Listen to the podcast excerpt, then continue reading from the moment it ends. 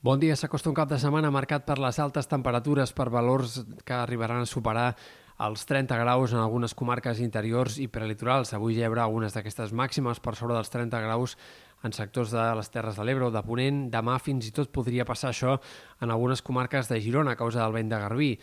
A més a més, aquestes altes temperatures seguiran, sembla, durant tota la primera part de la setmana que ve, com a mínim. Ben bé fins dijous no començarà una relativa baixada de les temperatures i tot i així sembla que encarem un tram final del mes d'octubre en el qual és més probable que seguim amb temperatures lleugerament altes per l'època o com a molt normals que no pas que arribi al fred d'una forma decidida.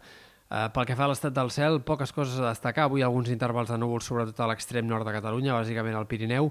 De cara a aquest dissabte i diumenge, núvols escassos. Només diumenge el cel començarà a ser una mica més variable cap a sectors del País Valencià i de les Balears.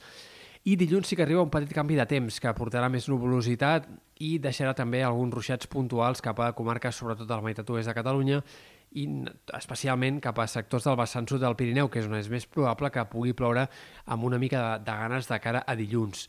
Uh, molts dies de la setmana que ve podrien ser una mica variables o mig ennubulats, però no hi ha indicis de cap situació de ruixats destacables o extensos. Potser dijous tornin a caure alguns xàfecs puntuals en sectors de l'extrem oest, però res fa pensar en cap tongada de precipitacions destacable.